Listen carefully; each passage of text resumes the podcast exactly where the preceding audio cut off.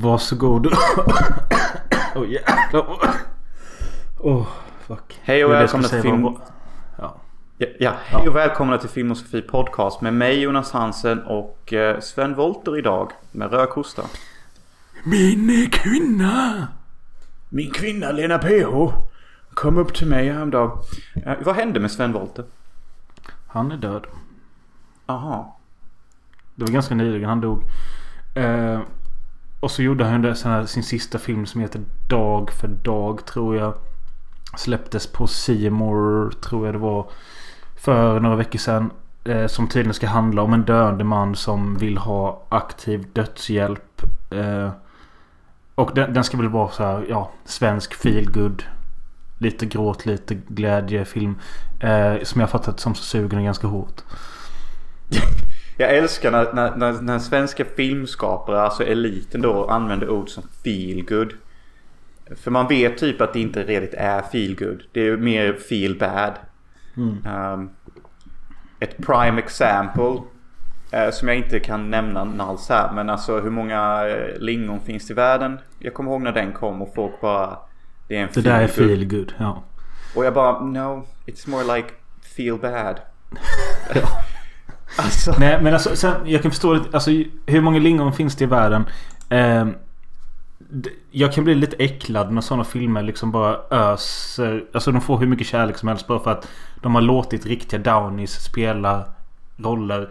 Alltså det blir inte bra för det och det blir... Alltså jag kan uppskatta ett par avsnitt av en annan del av Köping. Eh, för att det är kul att följa de här på, i, i sin vardag. Men när de ska spela roller som sig själva i någon jävla välskriven skithistoria. Då spyr jag lite. Ja, jag spyr också. Och jag sa det till våra fucking gymnasielärare som sög av denna filmen. Jag kommer ihåg samtalen när vi höll på med vår tv-studio skit. De bara Åh, såg ni hur många lingon finns det i världen? Mm, var den inte underbar? Mm. Jag bara väntade på att de skulle sniffa Vem sin egen rövhål. Vem fan lät så? Åh, den var underbar! De var ju helt jävla botta där typ. Jävla kommunister hela högen typ. Jag fattade ju inte det då. Nej. Hur många Downies finns det i världen? Ja, alltså det hade ju varit en asbra titel. Uh, alltså jag, jag kommer ihåg när de här filmerna kom och Fredrik och Filip tjatade om detta. Och de bara, varför måste Sverige hålla på att göra sådana här filmer? Alltså, kan det inte bara komma en film där vi, vi visst vi har Downies. Men vi följer istället typ en knarkande eh, discoägare. Och han lär Downies att uppskatta livet mer. Uh, istället för tvärtom. Det hade jag tyckt var en kul svensk historia. Men svensk film kommer aldrig göra det. Hur var min imitation? Vem lät det mest som? Jag vet inte om det var särskilt likt någon av dem. Men sen, jag vet inte om det blir lite dubbelmoral om de nu har sagt så här. För det är ju faktiskt Filip och Fredrik som ligger bakom i en annan del av Köping. Eh, för det är ju Fredrik, eller Filips syrra Linda är ju med där och det var ju Filip som la fram en idé att vi borde göra en tv-serie av det här gruppboendet. Deras vardag typ. Fy men, fan. Ja, jag vet inte. Men alltså. Som ja, det just, ja, men som jag nyss sa. Jag tycker ju att eh, en andel av köpen kan vara ganska kul eh, och trevligt. För jag tycker inte det blir lika löjligt som när man försöker göra en spelfilm av det. Jag håller med och jag har inget emot att casta Downies. Jag tycker faktiskt det kan vara ganska kul casting choices. Men varför inte bara casta Downies som en evil crime lord eller någonting? Typ gör det lite roligt. Se vad han kan uh, bring to the role. Typ, they call him the Downey boss. Why do they call him that? Because he has down syndrome and he will take you downtown bitch if you don't do what he says. Men jag vet att jag har pratat om det innan. Den här dokumentären som SVT släppte. Alltså detta var ju en dokumentär då. Som hette Bad Mongo. Om... Eh, om en kille som var, hade down syndrom och någonting till. Han satt i rullstol. Eh, men hans assistent hjälpte ju han verkligen med att göra det han ville. Och det var att supa och det var att dricka sprit och spela bort sina pengar på kasino. Och det var det Se. han gjorde. alltså den var fan underbar typ. See, now we're talking. Ja. See? Okej. Okay. Alltså, de fick, hjälp, jag fick hjälpa han med liksom så hälla upp Jack Daniels och Cola i ett jävla sugrör till som kunde suga i sig samtidigt som han spelade bort sina sista pengar. Alltså det var fan guld. Alltså, vet du vad Hyltebruk saknar där du lever i din lilla håla? Du saknar ett bad mongo. ja. Ett riktigt ja. evil downy. Det är vad fan som fattas typ. Hade varit pricken ja. över i för ditt samhälle. Sitter ja. nere på kinesen jämte lokalalkoholisten och bara Uh, uh. Jag vet inte fan hur de pratar. Jag tror inte de låter så mycket men... eh, Full house Ja. baby. Uh.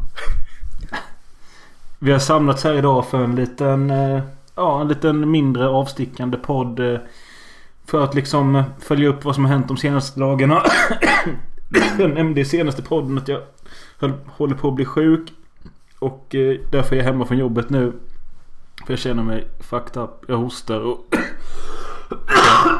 Men annars, annars mår jag ganska bra. Förutom att du ser ut som skit och mår skit och har skitit diarré och dricker bira så mår du rätt bra. Ja. Ja, jag vet det kanske är att svära i kyrka, kyrkan och ta en öl när man är hemma från jobbet. Men jag tänkte vad fan. En öl till podden. Det är liksom... Alltså jag är på din sida. Jag är på din sida bröv. Jag funderade innan här om jag skulle rulla upp en J och vara solidarisk men eh, internetet började krångla så jag hann inte. Nej. Nej men eh, det var ju som när man var, när man var liten och var hemma från skolan. Då var det liksom så här att då, då ska du ju fan inte visa dig ute sen. Utan, alltså du ska ju heller inte vara med en kompis och du ska... Ja du ska ju bara vara inne då och visa att du är sjuk på riktigt. Men Mm, och du måste gillar vara hemma två dagar. Ja precis. Annars blir det ett jävla helvete om man kommer tillbaka dagen efter till skolan. Ja. Var du faktiskt sjuk eller inte? Ja. Men en, en sak som jag försöker undvika på mitt jobb det är ju eftersom jag börjar jobbet varje söndag. Så är jag ju oftast ganska bakis på söndagarna plus att det känns segt att bara gå till jobbet överhuvudtaget. Men jag försöker alltid gå till jobbet på söndagen för att liksom inte vara den bakfulla som sjukanmäler sig på söndagen. För att det känns så jävla eh, genomskinligt. Så jag är nästan på jobbet varje söndag oavsett hur jag mår. Duktigt. Det är faktiskt väldigt duktigt tänk. Och eh, alltså det är kanske någonting man måste tänka på när man bor i Sverige. Typ att det ser jävligt suspekt ut att inte komma in på måndag. Ja. Oavsett hur jävla sjuk det är. Eller om du har lepra eller ej. Alltså ingen tror det Ja. typ. Nej men det det. Man känner sig nästan skyldig. Alltså bara för även om jag skulle varit riktigt jävla sjuk så skulle jag knappt våga sjukanmäla mig på en söndag eller måndag. Alltså alla som är sjuka på måndag. Alltså det spelar ingen roll vilket jävla arbetskontor i Sverige det är på. Någon kommer ju säga. Ja, det blev väl lite för mycket i helgen för honom. Ja precis. Och så tror alla att han är värsta jävla... Han kan inte hålla koll på sin alkohol. För ingen köper att han eller hon är sjuk. Så får man börja gå i samtal och skit om sina alkoholvanor och sen så... Nej usch. Mm, usch, usch.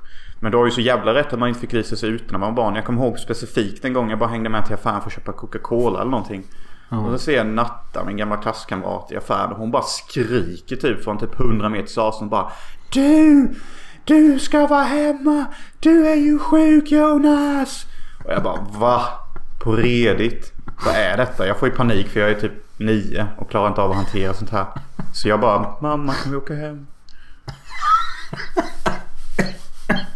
Ja fy fan. Ja. Nej men eh, ja så det är det. Jag är sjuk. Eh, ja, jag jobbade faktiskt söndagnatten. Sen har jag varit hemma måndag och nu tisdagnatten. Så det är tisdag natt nu eller kväll. Så det är bra. Du, du, du, du drog ditt stack till strået och kom upp på måndag då söndag. Bara för att visa att du inte är bakfylld och sjukanmäla dig. Och sen så kickade du in sjukdagarna. Ja. Ganska Men, och jag, funder, jag, funderar, jag funderar faktiskt på att gå till jobbet imorgon. För jag mår lite bättre idag. Säger han. Nysketen och med ny öde. Ja, men... Eh, nej, vad har jag gjort? Jag har fan inte gjort någonting. Jag har glott film och jag har spelat Tony Hawk Underground 2. Nej fy fan vad mäktig du är. Ja, jag laddade ner det till datorn. Men alltså... Den magin som jag kände när jag var barn. Detta spelet kom 2014. Eller 2004 eller 2005. Mm. Och detta var ju verkligen ett spel man spelade multiplayer på. Man körde mot varandra. Och det var jävligt kul. Men att sitta här och köra ett story mode. Det, det suger typ. Ja det suger. Alltså många av de spelarna så ladda ner och spela dem idag. Du får ju först en rush av nostalgi och typ tänker fan vad kul det här är. Det är exakt lika kul som det var när det hände. Sen typ 30 minuter senare så kommer vågen av ångest. Du märker att ditt liv inte är vad det brukade vara. Och att du har inga vänner runt att spela längre. Och 2004 är en svunnen tid som var underbar. Ja, ungefär så. Ehm, och just det, jag har haft ett rent helvete med vår senaste Patreon-film. Som då var att jag och Jonas... Ursäkta. Som då var att jag och Jonas eh, Tog en eh, MTV throwback till 2005. Där vi såg eh, de programmen som gick då. Viva La Bam, Wild Boys och Dirty Sanchez och kommenterade detta och ge, går igenom ifall det håller fortfarande och så vidare. Detta la vi på Patreon. Eh, Filen blev dock blockerad av YouTube direkt. Superblockerad som Chill skrev att den inte gick att se för att den är verkligen blockad. Eh, på grund av copyright. Eh, och jag blev så jävla deppig när jag såg detta. För först så tog det tid att sätta ihop filen. Och jag var inte nöjd med det för ljudnivåerna blev så jävla skilda. Eh, och sen så tog det sex timmar att ladda upp det på YouTube. Jag vet inte om det måste varit något fel. Får upp den där, sen blir den blockerad. Och idag har jag laddat upp den på något som heter Dropbox. Och tänkte att ja men fan detta funkar ju. Tills jag för en timme sen får ett meddelande av Christian Schill som försöker se detta. Han sa bara Det är bara de första 15 minuterna som finns. Jag bara What? Den filen är en timme och 40 minuter. Eh, så det visar sig att för alla som trycker på den filen så kommer det bara upp 15 minuter. Sen finns det inte mer. Eh, men om ni lyssnar här nu och har försökt detta så är det det att ni måste gå in och trycka ladda ner. Så ni får ladda ner hela filen till er dator eller till er mobil. Den tar 6 gig. Det tar lite tid men där har ni i alla fall hela skiten. Så ni får ladda ner den. Ja, Okej, okay, ja men det funkar väl. Ladda ner, ladda ner. Har du skrivit det i beskrivningen också så folk fattar? Ja. Ja, det här är ju det, skittråkigt. det är så jävla deppigt när man håller på och gör något sånt Mm. som man lägger ner lite tid på. Och det bara kukar. Ja, jag förstår dig. Det är ju strångt att du fortsatte. Segt att det var så segt. Ehm, Ja. Men... Det är lite intressant det du tar upp där med, med att eh, hålla på med någonting så jävla länge och sen blir det inte något av det. Ungefär samma argument som folk använder när det kommer till att laga sin egna mat typ. Eh, Ja, den känner jag ju ofta. Det är ju typ exakt samma feeling där. Eller typ jag kan koppla något till mitt eget liv. Hur länge har jag inte försökt att bli känd skådis eller känd filmregissör. Eller bara liksom få en inkomst på det. Mm. Och det har liksom inte blivit någonting av någonting typ. Nej, det var lite därför jag häromdagen när du spelade in, spelade in något deppigt meddelande. Och då skrev jag till dig att om det kan vara någon tröst så Ridley Scott, han gjorde faktiskt inte sin första film förrän han var 40 år. Mm. Och du- och det är du- fucking sick. Ja, och sen hittade jag en lista med folk som blev famous late eller gjorde sina första verk sent och sånt. Så det finns ju många. Eh, och det kan väl vara bra att gå in och läsa sådana listor när man känner sig deppig. Ehm, Jag måste Men- komma ihåg det. Um, För man, man det- kan ju gå in på motsatta sidor med till exempel den här lilla jävla kanadensisk-franska killen Xavier Dolan som eh, han gjorde väl sin första långfilm när han typ var 22 och den blev väl prisbelönt direkt. Han gjorde ju Jag dödade min mamma Lawrence Anyways Den jävligt bra Mummy Och sen gjorde han Tom at the Farm och han har gjort hur mycket som helst och allting bara blir hyllat överallt och han har, han har precis fyllt 30 typ. Alltså när jag hör sådana historier. Då tänker jag så här typ. Okej. Alltså, bara när jag hör sådana här historier. Då, då tänker jag två grejer. Typ okej. Gud finns. Och tur existerar. Det är typ mina första två tankar. Men sen så försöker jag vara logisk. Okej va, va, varför? Föddes han på rätt ställe vid rätt plats? Vem är hans föräldrar? Alltså. Är han, är han ihop med någon tjej som är släkting med eh, typ värsta filmtitanten typ? Alltså, Jag vet faktiskt inte hur han kom in i branschen. Eh, jag ser nu, han är född 89. Actor i 22 filmer. Producer för 10. Director av 9. Han måste ju ha fötts in i någon filmfamilj. Annars kan man ju inte komma så här långt så fort. Jag vet inte. Men det jag kan säga är att har du inte sett Mummy så ska du se den. Jag har inte sett Mummy. Skitbra. Jag vill, knappt, jag vill knappt säga att han har gjort en skitbra film. Jag har sett typ tre av hans filmer. Två har varit sådär. Men Mummy var faktiskt skitbra. Nej men man, man, det är bra att vi tar upp det. Man får ju faktiskt tänka att succé och framgång och lycka kommer ju i olika, olika till, tillfällen för folks liv. Ibland temporärt och eh, ibland för evigt. Och liksom Samuel L. Jackson blev ju inte känd förrän han var typ 42. Eh, Va- Var det typ med Pulp Fiction eller? Det var Pulp Fiction som verkligen bara, det öppnade ögonen för han. Alltså Det öppnade ögonen för vad Samuel L. Jackson är. Den enda filmen han typ hade gjort innan var ju inte Bad Boys on the Street utan Menace Ja, to menar- Society. Ja just det, där har han en liten roll ja. Han är en liten roll och, och så gjorde han också True Romance en liten roll och sen kom Ja. Pulp Fiction som en jävla grädde på kakan där. Plus att jag vet att han har nog kanske en huvudroll i en traumafilm. Uh, typ Death by Temptation tror jag den heter. Exakt, så typ tre eller fyra filmer med typ ja, mindre roller, kanske någon lite större roll och sen så kom eh, Tarantino där. Han gjorde en jävla björntjänst för fan tre skådisar när det kom till Pulp Fiction. Och det var... Det var eh, först Samuel. Jackson. Och sen så återupplivade han ju John Travoltas karriär. Och Ja. mini återupplivade Bruce Willis lite grann. Med tanke på att han inte direkt hade någon hit sen Die Hard 1 och 2. Har du också sett den här dokumentären jag skickade till dig? Det kanske var den dokumentären jag såg. ja. Men jag har kollat rätt mycket på Tarantino för typ ett halvår sedan och många saker fastnade typ. Nej men du, häromdagen så länkade jag dig en Tarantino-dokumentär. Om det var igår eller förrgår. Jag vet inte om du har tryckt play på den än. Ja men då, jo, jag kanske har sett samma då för ett tag sedan. Ja. Nej men i alla fall den här jag pratar om det är en YouTube-dokumentär i tre delar. Den första heter Quentin Tarantino From a movie buff to a någonting. Håller på i 40 minuter så är det tre sådana delar.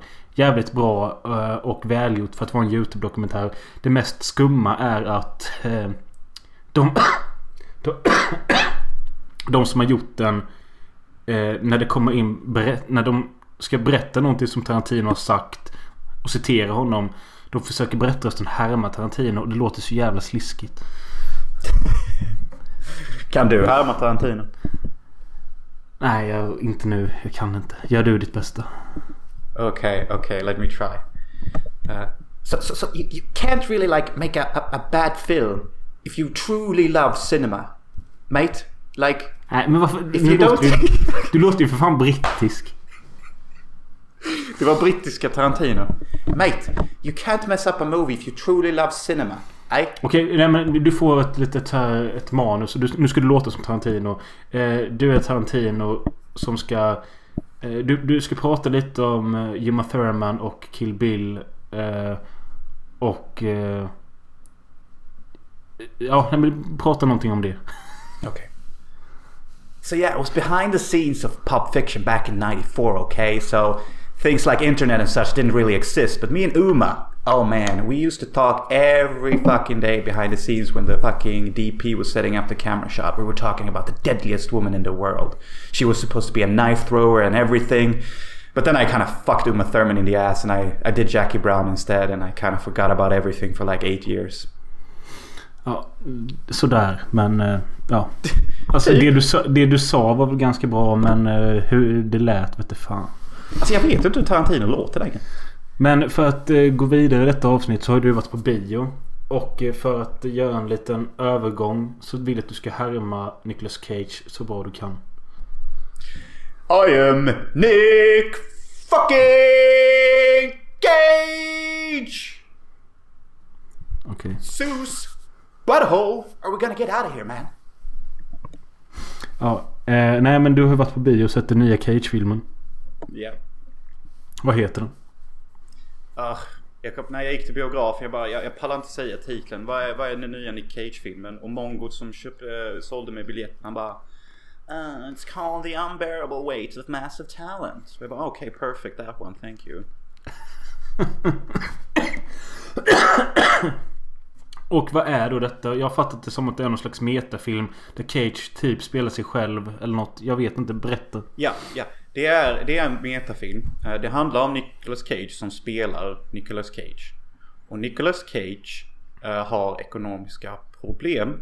Samtidigt som han har familjeproblem. Eh, samtidigt som han försöker bolla med sin karriär. Så när vi möter honom så sitter han på ett Los Angeles café med någon jävla filmregissör och de pratar om en roll. Och Nicolas Cage vill jättegärna ha den men eh, regissören vill inte att han ska göra en läsning eller eh, eh, en, audition. Så precis innan regissören ska hoppa in i sin bil så stänger Nicolas Cage dörren för regissören och bara typ bara gör en audition på plats. Och det är typ så mäktigt du kan tänka dig. Nicholas Nicolas Cage really going for ett överskådespel. Och han är typ astaggad över det. Och nu kommer vi in till det som jag tycker blir superintressant i filmen. Så han är ju skittaggad och asstolt över att han gjorde sin audition. Och i bilen så möter han Nicky. Och det är Nicolas Cage alter ego. Som är en 20 år yngre version av Nicolas Cage som han pratar med. Emellanåt. Och det är någonting inte trailern gav ut som jag tyckte var en fine och rolig edition. Och den yngre versionen av Nicolas Cage som är hans alter ego, hans själva ego han pratar med. Han är helt fucking störd. Han är typ... eh, Oh fuck me, you know I'm a fucking man, ah, good. Du vet det klippet när han knullar typ en jävla madrass men- eller någonting. Ja. Det är typ, den rollen är typ baserad på Snake Eyes-filmen eller någonting och han ser exakt likadan ut. Ja okej. Så alltså det, det är han som... Han, han, han bollar med sitt gamla jag typ. Ja, för att hans gamla jag är typ ashård mot honom. Man både älskar och hatar honom. Han bara typ Man, you're a movie star man. You're not gonna do more character roles. You're in fucking depth bro. Typ. ehm, och hans manager spelas av Barney Stinson. Vilket är ett asbra casting choice. Neil Patrick Och- Harris. Yes. Och han berättar att du har 600 000 dollar i skuld. Du måste börja göra en riktig film eller ta emot ett erbjudande. Och då Pedro Pascal kommer in och säger om du kommer på min fest och läser mitt filmmanus så får du en miljon dollar och efter en misslyckad födelsedagskalas med Nicolas Cage dotter där han beter sig som att han är i liv i Las Vegas så bestämmer han sig för att gå med på det här kalaset och få en miljon Alltså dollar. är, är det mycket sådana här små hints till filmer han har gjort tidigare eller? Absolut. Alltså filmen börjar ju med ett klipp från Con Air. Exempelvis. Alltså straight up. Och det är en, en, en tjej som sitter och tittar på det. Hon bara Nicolas Cage is a fucking legend. Uh, så I'm not Men eh, vad, vad har Neil Patrick Harris för funktion? Nej men han är ju managern. Han ser ju till typ eh, att eh, ja men du måste typ gå på denna festen. Alltså you need to come back. Och då säger Nick Cage Hey I never went anywhere. Typ. Så det är typ han är bara så- hans brother is in arms. Kan man säga att den är... Alltså den utspelar sig nu fast föreställer typ hur det var för Nicolas Cage för tio år sedan när han började var tvungen att ta alla de här jävla rollerna. Han, han gjorde ju fan hundra filmer på tio år typ. Nej, jag tror det mer nu utspelar sig hur det är nu för honom. Eh, för Ja. typ, de tjatat hela tiden tydligen om att du måste försöka välja en film som slår kommersiellt. Alltså för du har typ bara gjort filmer som är, de är intresserade från ett karaktärsperspektiv men ingen av dem har slått kommersiellt. Och, och din dotter och din familj börjar fan bli typ worried for you. För att you need to get your shit together. Typ när de sa det då bara slog det hårt i mig. Bara, oh shit. Men eh, alltså vad skulle du säga? Är det en dramakomedi eller vad är det för något? Alltså det är mer en komedidrama. Typ de första två akterna är asroligt. Det är typ som en low key version av Fear and Louting in Las Vegas. Fast det handlar om två själar som möts och försöker göra en film tillsammans. Nicolas Cage och Pedro Pascal. Och det är faktiskt väldigt vackert och roligt att se. Exempelvis så tar de LSD i en scen och kör runt i en bil. Och de låtsas skådespela roller mellan varandra och tror att de förföljer dem. Och det är faktiskt otroligt roligt och väldigt wholesome. Alltså det är typ bara fint att se två män bli kompisar. För att det är ganska typ ovanligt med manlig vänskap i äldre dagar. Och det är ganska fint att se när två män connectar typ. Men du nämnde den här Pedro Pascal i förbifarten som att man ska veta vem det är. Är det någon man har koll på eller? Är det bara att du Jaha, satte ursäkta. sig? Pedro Pascal var ju väldigt känd i, i Game of Thrones. Han var med i säsong 5 och gjorde en eh, predominant roll. Eh, Pedro Pascal är också väldigt aktuell i många nya filmer. Men jag kan inte nämna någon på rak arm. Jag ser han på bild här nu men jag känner inte igen honom. Nej men så han är väl någon ny mm, ethically Ja. ambiguous person. Jag ser ju att han har varit med i såna här heta filmer som inte jag ser. Typ Wonder Woman 1984, The Kingsman. Ja, och sån skit. Exakt. Exakt. Hade du varit lite mer kommersiellt lagd så hade du känt till namnet. Ja. Men eh, jag utan att... Jag vill inte veta för mycket om filmen för jag är ju taggad på denna. Men... Eh, tycker du den var bra? Alltså levde den upp till Ja, den var faktiskt jättefin och bra. Och eh, alltså... Vet du innan hur en annan podd, jag vet inte om den podden har kommit ut än, men du säger typ att jag är Nicolas Cage lillebror typ. Och vi skämtar lite om Ja. det. Typ när du ser den här filmen så tror jag du verkligen kommer tänka så. Okej. Jag försöker inte skryta eller någonting men jag bara känner mig så jävla lik Nicolas Cage. Alltså det finns en scen när han pratar med sin familj typ och de är arga på honom för att inte han ser dem. Så berättar han hur mycket han försöker för dem och typ men alltså jag gör ju alla dessa grejer för jag ville bara att du skulle må bra. Jag ville bara att du skulle bli älskad. Och det säger dottern typ. Alltså det sorgligaste med dig är att du försöker. Det är det mest tragiska och du lyckas inte. Och då kommer jag ihåg vad du har sagt till mig typ fyra, fem gånger. Att det, din starkaste egenskap Jonas är att du alltid försöker så jävla mycket. Men du lyckas ja. inte. Det, det har ju dock inte sagt att det är det starka. Ja, men jag, jag får höra det, det väldigt ofta det, från folk. Ja men det jag har sagt många gånger är att ingen kan någonsin säga att du inte har försökt. Exakt. Och det säger min morsa också. Att hon, hon, alltid, hon säger alltid jag är så imponerad över dig Jonas. Att du har försökt så mycket och haft så många misslyckanden i ditt liv. Men sen också, det skulle säkert en dag komma... Alltså...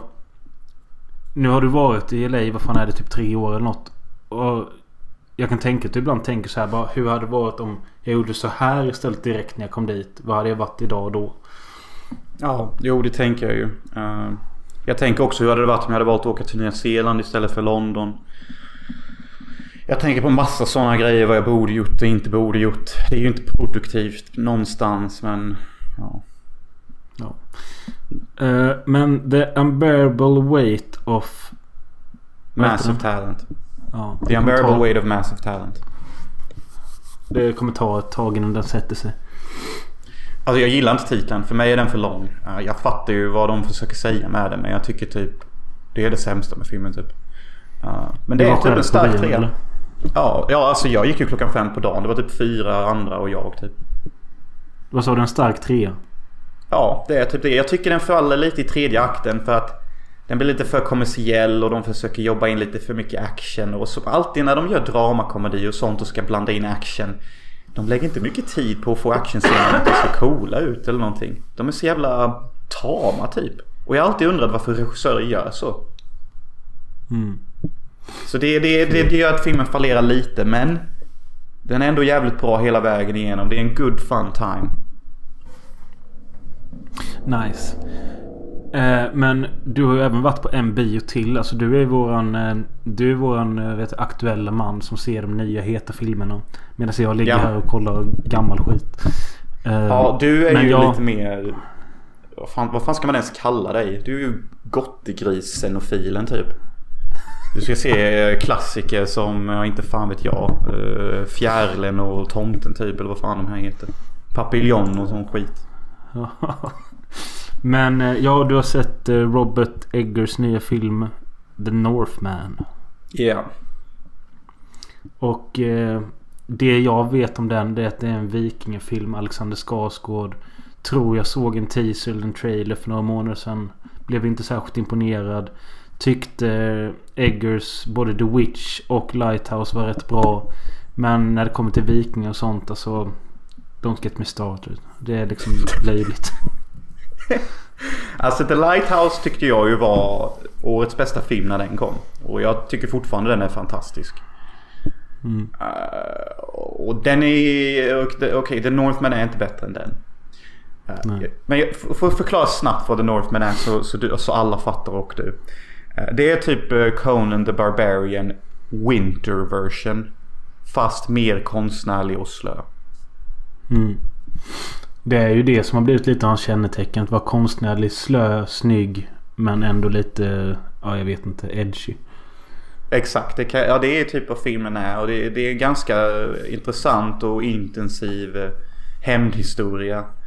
Uh, alltså, men jag tänkte när jag såg filmen att alltså, synd att jag inte är bög eller tjej. För att här sitter jag och typ tittar hela tiden på världens vackraste man med den hetaste jävla kroppen jag sett på en kar. Och jag känner Skarsgård ingenting. Ja, jag känner ingenting i form av erotik eller sexuell upphetsning. Och det känns som det är liksom det är wasted on me. Typ allt det här. Okej. Och han är, han är, han är fan tight alltså. Och liksom hans fysik är nice. Och man får alltid se han i bara överkropp. Och han hulkar alltid som en man. Så jag tänker, var, var sitter kvinnan som pullar sig själv typ? Jag bara måste se henne. Vad är det för... Finns det någon kvinnlig motspelerska? Är det Nicole Kidman? Ja. Nej, ja, Nicole de Kidman är, är med. Men jag de är ju ett par på riktigt tydligen. Va? Ja, jag läste det. Kidman och Skarsgård? Ja, visst man läste det någonstans. Kolla upp här. Milffucker. Milfucker Skarsgård to the stage. Ja, det är ju rätt absurt men det förklarar ju faktiskt en scen i filmen. Om de nu är ihop. Uh, så det gör. Hittar du någonting om de är ihop? Ja, de blev tillsammans under TV, eller inspelningen av uh, tv-serien Big, Big Little Lies. Ja men tjena. Verkar det som i alla fall. Okej, okay. men det är ju nice. Dejtar de eller inte? Nej, det står bara att de har haft en jävla kyss hit och dit. Men jag vet inte. Skit i det. Vad skulle du säga? De hade någon intim scen i filmen. Ja, men jag vill inte spoila för mycket. Uh, men i alla fall det här förklarar lite en scen. Och det är en ganska intressant scen som kommer upp. Och uh, jag älskar att gå på bio i Amerika för att det är typ commentary track samtidigt. Så när en viss scen kommer upp så hör jag någon svart man bakom mig. Han bara Oh man, this is creepy. Och typ jag bara, ja detta verkar inte vara en film för amerikaner. Jag tror inte deras, deras små hjärnor klarar av att hantera sådana här sexuella eh, implikationer som den här filmen står för. Det är kul att du är, jag tror du är ensam om att tycka att det är nice att höra sådana kommentarer. Ja men det gör det hela lite roligare. Det var som när jag såg uh, Rise of Skywalker och någon bara Fuck you JJ. Alltså det är rätt kul ändå. jo, det finns en kvinnlig motsvarighet. Tack och lov. Och hon är det bästa i filmen. Anna Taylor-Joy. Känner igen det som fan. Ja, det är hon från... Äh, jävla Queens Gambit och... Hon är också med i The Witch faktiskt. Ja, det är hon den unga tjejen där ja. Ja, ja hon är vacker som en snöflinga. Och hennes kroppsfysik är nice. Och hon är också en bra skådespelerska. Så när, när hon Men, är med då funkar filmen jävligt bra. Men det är alltså en hämndhistoria. Är det mycket våld? Är det liksom... Är det brutal shit? Det är rätt brutal när det blir brutal. Uh, faktiskt. Alltså det är decapitations. Det är nacka sönder folks huvuden med ditt egna skallben. Uh, alltså det finns rätt många råa bitar. Där jag typ satt och bara... I'm already depressed. Jag känner mig redan mer cynisk än, uh, inte fan vet jag, farfar Hitler. Hur fan, vad fan är detta för film? Vad fick jag att så denna? Okej, okay, är det så illa? Ja, alltså jag, alltså jag gjorde fel. Denna dagen jag gick och så denna borde jag sett Nick Cage-film. För det hade lyft mig ur. Ja. ja. Så jag gick fel film på fel dag typ. Ja. ja. Men eh, alltså... Är, alltså är den... Är den seg så att den blir tråkig eller är den seg bara så att det liksom långsamt. Den är seg, seg. Det är seg så att det är mysigt faktiskt. För att eh, regissören är smart nog att sprinkla filmen med psykologiska sekvenser som är de bästa bitarna. Exempelvis när huvudpersonen är på väg att dö så fantiserar honom att han att han rids iväg upp i Valkyrie-himlen med Anna Taylor-Joy med ett spjut på en häst och det är enormt visuellt tillfredsställande. Och det finns massa sådana här visioner och intressanta grejer lagom uttryckt i hela filmen som gör att man typ står ut med det långsamma. Vad skulle du sätta för betyg på denna då? Först efter jag såg filmen så ville jag sätta 2 av 5 för jag tyckte att huvudpersonen var en jävla idiot. Eh, men sen efteråt så förstod jag att det kanske var regissörens avsikt eh, med att försöka förklara vad hämnd gör med en persons hjärna. Sen efter att ha lyssnat på min gode vän Richard och han sa att detta är typ den bästa hämndfilmen som kommit på grund av att den är så rå. Uh, och har alla de här grejerna jag pratar om. Så jag vill sätta trea på den. Det är en trea okay. alltså. Det, det är lägre än vad jag har sett de senaste dagarna. De flesta sätter fyra. Men... Uh, det är jag förvånad över. För, för att jag, jag undrar typ liksom vad, vad, är det de ser typ? För att det, det är inte så jättebra. Tyckte du om uh, The Witch? Alltså jag har typ aldrig råkat dra mig igenom den. Tyvärr. Nej. Men jag kanske kan göra det för att nu är jag ju kär i Anna Taylor-Joy. Så nu har jag ju en anledning. Ja. Nej alltså jag gillar den alltså.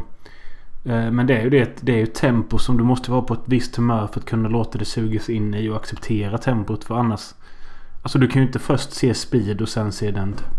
Nej, det är ju världens sämsta double feature-givning. Ja. Så jävla sämst.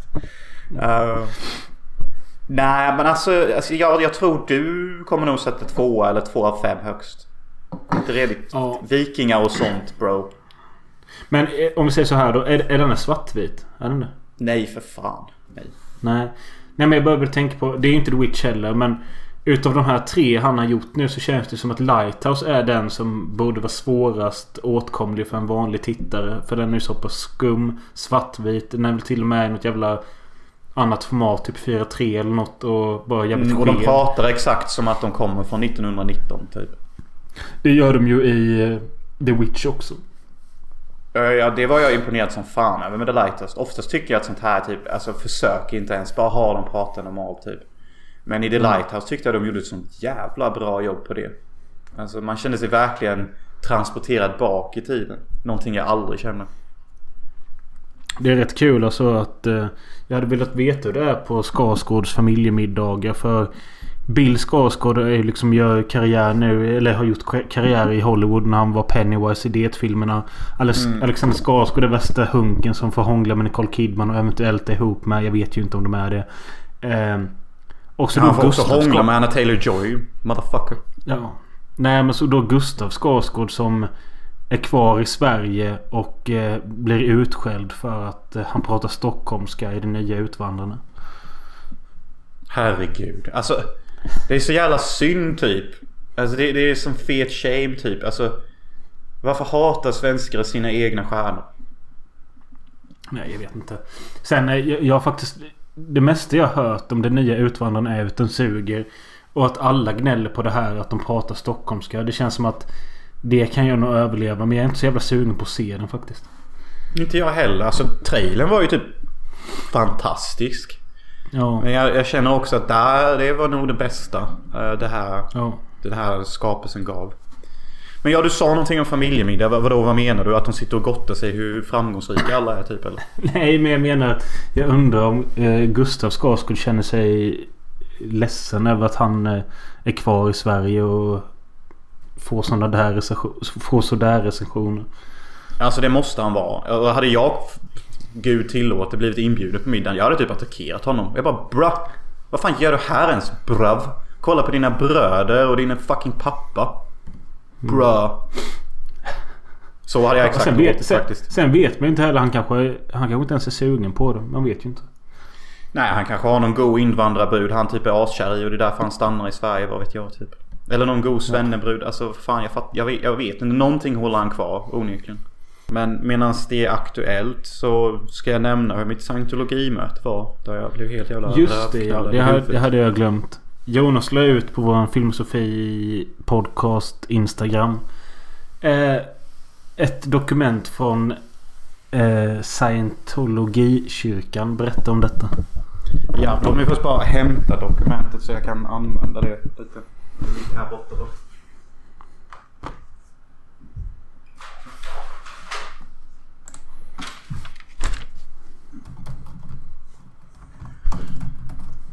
Okej. Så Först vill jag bara fråga, vad vet du om scientologi Möller? Att det är någon eh, skev kyrka slash tro. ehm, som vissa stora Hollywoodkändisar har dragit sig till genom åren. Bland annat Tom Cruise. Exakt, han är ju typ deras jävla ledare kan man nästan säga. Mm. Okej, så de har ett scientologikontor mitt i Hollywood Walk of Fame. Och jag gick förbi där spontant och tänkte, ja, when in Rome. Eh, för att jag var bara extremt nyfiken. Och alla kanske har sett South Park-avsnittet också. Där Stan och Kyle och alla går in och gör ett sånt här test. Ett psykologiskt test om ens profil. Och sen efter det så blir de fetingdeprimerade. Eller ja, jag tror Stan blir mest deprimerad. Uh, men ja, så det stod en slavisk kvinna i ingången i det här monumentbyggnaden. Så jag gick in i kontoret och var- Okej, jag måste berätta lite. När man flyttar till LA så börjar alla prata om scientologi. För alla säger gå aldrig in på ett sånt kontor. Gör aldrig ett test. Säg aldrig någon personlig information med dem och ha inget med dem att göra bara. Okej. Men det här, det här spiceade min nyfikenhet för mycket. Så jag var bara tvungen till att gå in och se vad det handlar om och göra testet. Det ligger ju i, i din karaktär att du ska gå med där typ. Ja, lite. Jag var lite orolig typ för jag tänkte detta är fan risky. Du är typ in a very sen- sensitive place in life och du kanske inte redigt ris utsätta dig kring att vara runt sådana här starka manipulerande människor som är kända för att vara Nej. typ sociopaternas sociopater. Men jag bara fuck it.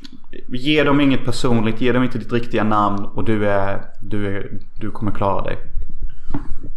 Så jag går in där och säger alltså jag vill göra det här testet som alla gör. Och den slaviska kvinnan bara yes sure. It's like a quest it's a questionnaire of 300 questions. And then you're gonna do an IQ test. And then we're also gonna do another random test. And it's gonna take like an hour. Och jag bara, gratis. Gratis. De här psykologiska läsningarna är gratis. All, alltid. Men varför vill de göra detta med dig? Alltså den egentliga anledningen tror jag är ju för att få mer makt och pengar och en större following. Så de kan göra mer dåd Jo, jo men i är det för att de, att de ska få ut en bra värdering av dig så att du ska vilja vara med dem mer då? Eller gå med? dem? Aha, du tänker så. Nej men alltså först Nej, men- så gör de men- den här... Ja. Ja, nej jag försöker förstå bara. Okej, så först gör de den här psykologiska läsningen på en. För att definiera vad du är för person, vad som funkar i ditt liv och vad som inte funkar i ditt liv. Men ställer de dig då för 300 frågor eller fyller du i en data eller vad fan händer? Man får ett dokument. Eh, så, så typ har de så här 300 frågor och så fyller man i. Jag är antingen mittemellan. Alltså håller du med? Ja, Jättemycket. fattar. håller du med jättelite Ja. eller är du liksom Ja. indifferent typ? Och så svarar man Ja. på 300 frågor. Efter det så får du ett IQ-test. Jag trodde jag skulle komma ut som värsta retard för det var otroligt många mattefrågor. Och jag bara, jag tänker inte ens räkna på detta. Jag, jag, jag lämnade skolan av en anledning så jag bara fyllde i dem random typ. Eh, Och vissa frågor var typ rätt störda. Alltså på det här, det här testet. Det var typ Fantiserar du om att mörda myror och sånt? Eh, Okej. eh, om, om någon annan har fel åsikt än dig, bryr du dig om den personens åsikt? Alltså det var massa sådana här konstiga skumma frågor. Eh, så jag gjorde allt det. Och sen så när jag hade gjort allt det så tog de mig till en annan person. Och det var nu det blev väldigt South Park-vibbar. För då visade de mig det här dokumentet och sa Well Jonas, eh, or Well Johansson, you're in trouble. You're extremely depressed, nervous. You don't know what you're doing with your life.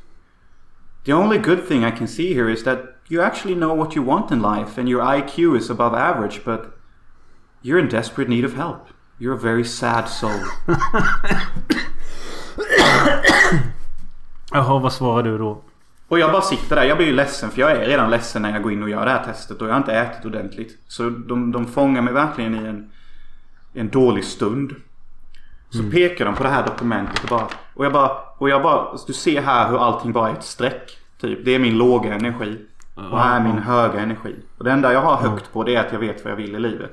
Filmregissör, mycket pengar, vackra brudar, bla bla bla. Men som bara pekar på detta bara. Här står det att du är otroligt ostabil. You're incredibly unstable.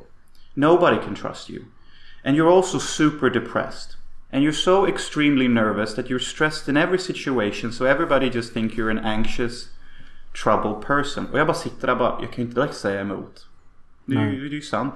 Sen bara, you're completely irresponsible. Och jag bara, yes that's true. I was supposed to buy rat food but I haven't done it and the rat is kind of starving. So I guess that's irresponsible. and then they were like, it also says you're extremely critical. And I was like, uh, not really. And they were like, it doesn't matter if you say it or not. You're extremely critical in your mind with yourself and others. Och jag bara, yeah, that's true. Och sen bara, sen står det någonting här, lack of accord. Och det betyder att jag inte litar på någon alls. Jag tror att alla är ute efter att lura mig. Och sen så var det också så här att jag, jag kan inte känna koppling till någon människa. Och jag bara, jaha. Och sen så sa de också, and you have all these ideas and everything but nothing ever turns out to anything. Like, you, you're not getting anywhere. You need serious help Jonas. Men är, är det då att de vill att... Eh, när de säger att du behöver serious help. Då menar de att det är de som ska hjälpa dig eller? Exakt, det är det de vill och de ska hjälpa mig på mitt sätt. Och jag bara, you're a very troubled case. Uh, I need to speak with my colleague. Och jag bara, jag bara sitter där jag har blottat min själ om grejer som jag trodde inte jag skulle göra. Så deras manipulation har gått djupt redan. Uh, ja, det, det hela börjar bli väldigt läskigt och jag bara, detta är ju exakt som South Park. Jag kommer ju gå hem och dricka whisky och inte tro att livet handlar om någonting. Ja. Eh, och det var fan inte långt ifrån för när jag kom hem efter detta så rökte jag upp en fet joint och bara Shit. Jag har så många problem. Jag mår inte bra. Jag är ju Men inte alltså- mer vad Va, va, vad kommer hända nu med dem? Kommer de kontakta dig igen eller något? Eller vad? Uh, alltså det, det, jag var inte riktigt färdig här. Så hon som jag pratade med, hon, hon tar mig till en annan person. I ett annat hörn. Till någon ännu mer stödare manipulerare. Hon, hon, hon säger straight up till den personen och jag sitter jämt och bara This is Joe Hansen. He's a very troubled person. He's in serious need of help. He wants to be a filmmaker and we need to help him. Alltså de snackar så här typ. Så jag bara sätter mig ner med dem och hon, en annan, hon är ännu bättre manipulerare än den andra. Hon börjar tjata, hon vill att jag ska betala och det börjar bli väldigt läskigt. Och hon trycker på saker typ I can see you're hiding something like you're ashamed of something and this is causing you nervousness. What is it? Have you killed someone? Have you raped someone? Do you have a gay experience? What is it? Och jag bara sitter där typ bara The only reason why I'm laughing and uh, answering this is because you're cute and funny. Okay? Och det var hon faktiskt. Men sen började hon bara bli läskig. Hon ville att jag skulle betala. Och jag bara Dude, I don't even have more than 30 dollars on my fucking card. I need to buy food for myself. Och hon Vad bara, ville hon "Oh, you don't need to buy för? food. För då ville hon boka in mig på kurser. Så nu kommer det läskiga. De ville alltså boka in mig på en 20 timmars kurs. Och de pressade mig så hårt att de inte tog mig seriöst när jag sa att jag bara har typ 30 dollar kvar för mat i en vecka. De bara Dude, you need help more than you need food. You need to take these courses Jonas. Because if you don't take them now we're not gonna see you here in a week or two because you're so troubled. You're gonna get lost. And you could potentially die. Det är kul. Ja, och jag bara, alltså okej, ni har rätt i allt ni säger om mig. Jag är otroligt deprimerad och jag är alltid nervös. Alltså, jag ser ett mynt falla och jag hoppar typ 10 meter upp i luften som en skrämd katt. Så jag, jag förstår ni har rätt i allt ni säger. Jag får ingenting gjort och bla bla bla. Men det här är inte det rätta. Jag ska inte vara med de här typerna. Det här är farligt. Och vet du vad, när jag blev riktigt rädd. Jag blev riktigt rädd när de frågade. So, what have you heard about Scientology? Och jag bara no. Jag bara kände hur alla hår reste mig. Jag kan inte säga vad jag hört. Jag kan inte säga vad jag hört. Skämtsamt försökte jag lyfta på en kruka och bara Where are the bugs? Where are the microphones? Och hon bara There are no microphones here. You can speak freely. Och jag bara ah, okej. Så jag bara jag kan inte säga vad jag har hört för att alla vet vad scientologerna har gjort. Och alla pratar om det i Hollywood och alla säger typ prata inte om det bland människor för att öron och ögon är överallt. Jag har ju hört att de kidnappar bebisar. Jag har hört att de våldtar bebisar. Jag har hört att de hotar och pressar folk som är med i deras kyrka. Och jag har hört att Tom Cruise är värsta sepet. Och alla är rädda för honom. Så jag bara uh, you know I haven't really heard anything. I've just kind of seen the South Park episode. För jag vågar inte säga allt det där. För då kanske de sätter target på mitt back. Ja. Och hennes face när jag nämnde det, hon bara suckade och bara South Park. Those bastards. It's just a comedy show. Ron Hubbard is not a, a weirdo. He's just an author. We, we stand with science. Och jag bara eh, eh, I need to get out of here. Somehow. Typ, det var så många scientologer runt mig och jag satt i ett hörn. Och jag bara de har, de har fan västar och vackra ögon allihopa här inne. Och masker typ. Jag, fan. De kommer stänga utgångarna om jag inte drar mig ut snart. Hur gjorde du då? Nej, jag, jag, jag bara alltså kolla här. Jag har inte pengar på mitt kort och jag ska bevisa det för dig.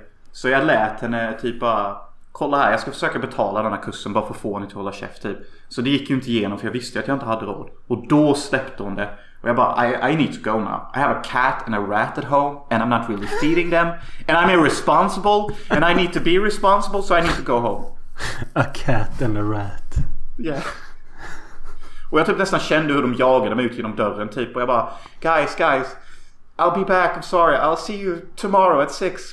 Men det var ju lögner alltihop. Det är så sjukt att du ens vågade gå in där. Så blev det typ som du hade tänkt det. Ja, jag visste ju typ att det skulle bli så här för att jag har hört skräckhistorier om att det är så här. Och, och det är alltid sant som de säger. Fy fan vilka manipulerare de var. De är så jävla duktiga. Och de, de visste verkligen vilka punkter de skulle trycka på hos mig också. Till att få mig till att säga saker. Och jag var ju redan emotionellt Eh, vad är ordet jag söker? Jag var redan emotionellt inte i balans. Instabil. Instabil. Ja. Exakt, och det bevisade ju testet också. Och jag tänkte så här typ, alltså. Jag är ju deras... Det, här är ju asbra. Jag, alltså, de behöver ju sådana som mig. Som är vilse och, och rädda och behöver community och... Alltså jag, alltså. Alla som kommer in och gör ett scientologitest får väl säkert samma svar typ. Att de är Ja. jättelåga men att de vet vad de vill. Kanske inte alla Jag tror, jag tror inte att det är någon som liksom kommer in där och får kanonresultat med och att de säger bara Nej men nej, du behöver ingen hjälp alls i livet. Nej, jag tror inte det. Och det sa de ju också upp i South Park-avsnittet att jag tror att en av karaktärerna gick in och gjorde testet igen men svarade allting annorlunda och han fick fortfarande samma resultat. Så jag hade det i åtanke typ. Men jag kunde ju inte direkt säga emot. De hade ju rätt i allting faktiskt. Ja. De hade verkligen rätt i allt. Eh, kul historia för oss men eh, du behöver inte utsätta dig för sån här skit tycker jag. Alltså det känns som att det kan sluta illa någon gång. Ja, det var ju tur att jag var vuxen och mogen nog till att kunna fly. Men jag tänker Ja. alltså. De här var riktigt duktiga. Det är nog många som fastnar i deras klor. Eh, Men alltså jag var bara så jävla äh, nyfiken. Ja men det förstår jag. Det är ju intressant. Eh, men vi Och LA, alltså de har sådana sjuka scientologibyggnader. Alltså de har typ slott och mansions. Här i LA. Alltså du kan typ gå förbi ett område. Och så bara ser du värsta fantasybyggnaden som ser ut att komma från Narnia. Och så står det Scientology Office. Så de har ju alla dessa sjuka kontor här i LA. Och deras jävla recruitment center är ju mitt i Hollywood Walk of Fame. Så det är ju en LA experience grej typ. Ja. Jag har hört att det är jävligt många som har gått med och att det är hur stort och rikt som helst. Eh, men eh, Det är ja. helt flippat bro. Men till nästa avsnitt ska du besöka typ KKK då eller något. Ja varför inte? Finns det fortfarande? Ah, inte i Los Angeles. Detta är typ USAs mest progressiva stad. Ja. Typ Men du kan vara bög jävla- och ligga med asfalt och folk kommer typ acceptera Men vad heter den jävla kyrkan? Jag vet inte ens var den ligger någonstans. Men det är väl någonstans i USA. Den där böghatande Baptist Church. Eh... Ja, de, de hatar ju svenskar. De hatar bögar. Ja just det den. Ah, jag vet inte riktigt var den är men den är väl längre ner i syd någonstans eller kanske uppe i norr. Jag vet inte. Jag vet inte. Det var, det var sjukt läskigt. Ja, jag förstår det. Tur att du kom därifrån i alla fall. Jag hoppas Först att du tyckte jag det var... Nej först tyckte jag typ det var lite kul med alla frågor och sånt men sen bröt de ju ner mig totalt. Det var ju liksom ingen uppmuntring direkt. Ja. Men eh, om du inte svarar på ett par veckor nu. Du vet ju vad som har hänt. Ja. Ja. Men är inte, har inte scientologi, scientologi någonting med aliens och skit att göra med? Jo, alltså de tror ju typ att våra själar... Eh, vi var egentligen eh, aliens eller någonting. Men eh, våra själar klövs och vi blev nedkastade i en eh, vulkan. Så det är därför vi har alla dessa problem för vi är halvsjälar nu. Eller något sånt. Jag kan gå dit igen och se en gratis film om allting om jag vill. Då sätter de in mig i ett mörkt rum och spelar upp en typ en långfilm för mig. Det förklarar Jag säkert tycker, jag tycker inte du ska gå dit igen. Nej.